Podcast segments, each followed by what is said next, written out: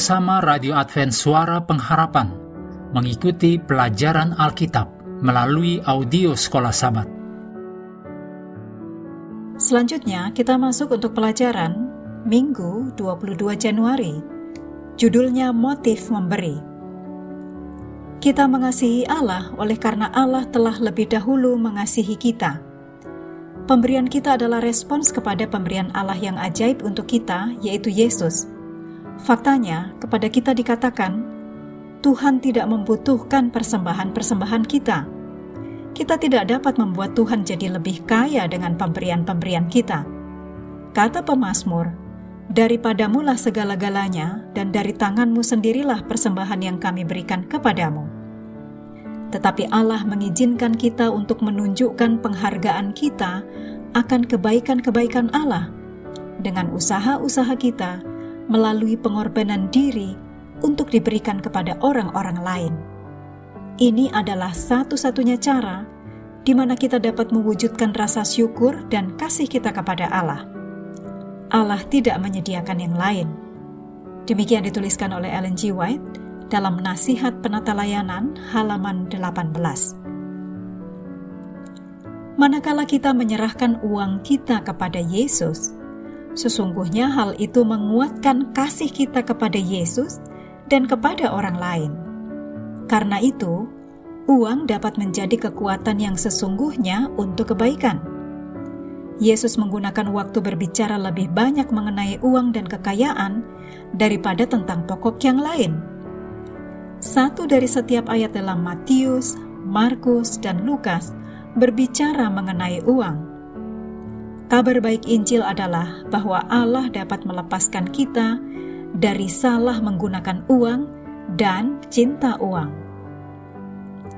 Dalam Matius 6 ayat 31 sampai 34, bagian dari perikop hal kekhawatiran dan dalam Ulangan 28 ayat 1 sampai 14, ini mengenai berkat. Allah menjanjikan untuk melakukan bagi kita jika kita menurutinya. Apakah egois bagi kita untuk menuntut janji-janji Allah? Persembahan-persembahan kita adalah bukti kerelaan kita untuk mengorbankan diri bagi Allah. Persembahan dapat menjadi pengalaman rohani yang dalam, satu ekspresi yang nyata bahwa kehidupan kita diserahkan sepenuhnya kepada Allah sebagai Tuhan kita. Bagi kita, Sebagaimana satu ungkapan bahasa Inggris katakan, letakkan uang di mulut kita. Maksudnya, melakukan apa yang kita ucapkan. Seseorang dapat berkata bahwa dia mengasihi Allah, namun persembahan-persembahan kemurahan hati itulah yang menyatakan dan bahkan menguatkan kasih itu. Persembahan itu datang dari hati yang percaya kepada Allah, yang terus-menerus menyediakan kebutuhan-kebutuhan kita, sebagaimana yang terbaik dalam pandangannya. Persembahan kita bergantung pada keyakinan bahwa kita memiliki kepastian keselamatan dalam Kristus. Itu bukanlah sesuatu untuk menenangkan Allah atau untuk mendapatkan penerimaan Allah. Lebih tepatnya, persembahan kita meluap dari hati yang telah menerima Kristus melalui iman sebagai satu-satunya sarana yang cukup untuk rahmat dan penebusan. Dalam 2 Korintus 9 ayat 6 dan 7 dituliskan, Camkanlah ini, orang yang menabur sedikit akan menuai sedikit juga, dan orang yang menabur banyak akan menuai banyak juga. Hendaklah masing-masing memberikan menurut kerelaan hatinya, jangan dengan sedih hati atau karena paksaan, sebab Allah mengasihi orang yang memberi dengan sukacita renungkan apa yang Yesus katakan kepada kita dalam ayat ini, serta arti memberi menurut kerelaan hatinya.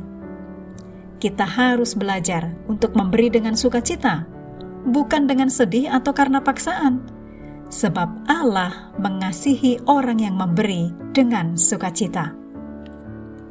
Mengakhiri pelajaran hari ini, mari kembali kepada ayat hafalan kita dalam Mazmur 116 ayat 12 sampai 14. Bagaimana akan kubalas kepada Tuhan segala kebajikannya kepadaku?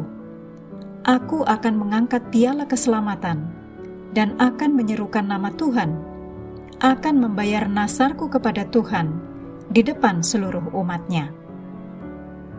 Kami terus mendorong Anda untuk mengambil waktu bersekutu dengan Tuhan setiap hari bersama dengan seluruh anggota keluarga baik melalui renungan harian, pelajaran sekolah sahabat, juga bacaan Alkitab sedunia percayalah kepada nabi-nabinya, yang untuk hari ini melanjutkan dari 2 Tawarikh pasal 7. Tuhan memberkati kita semua.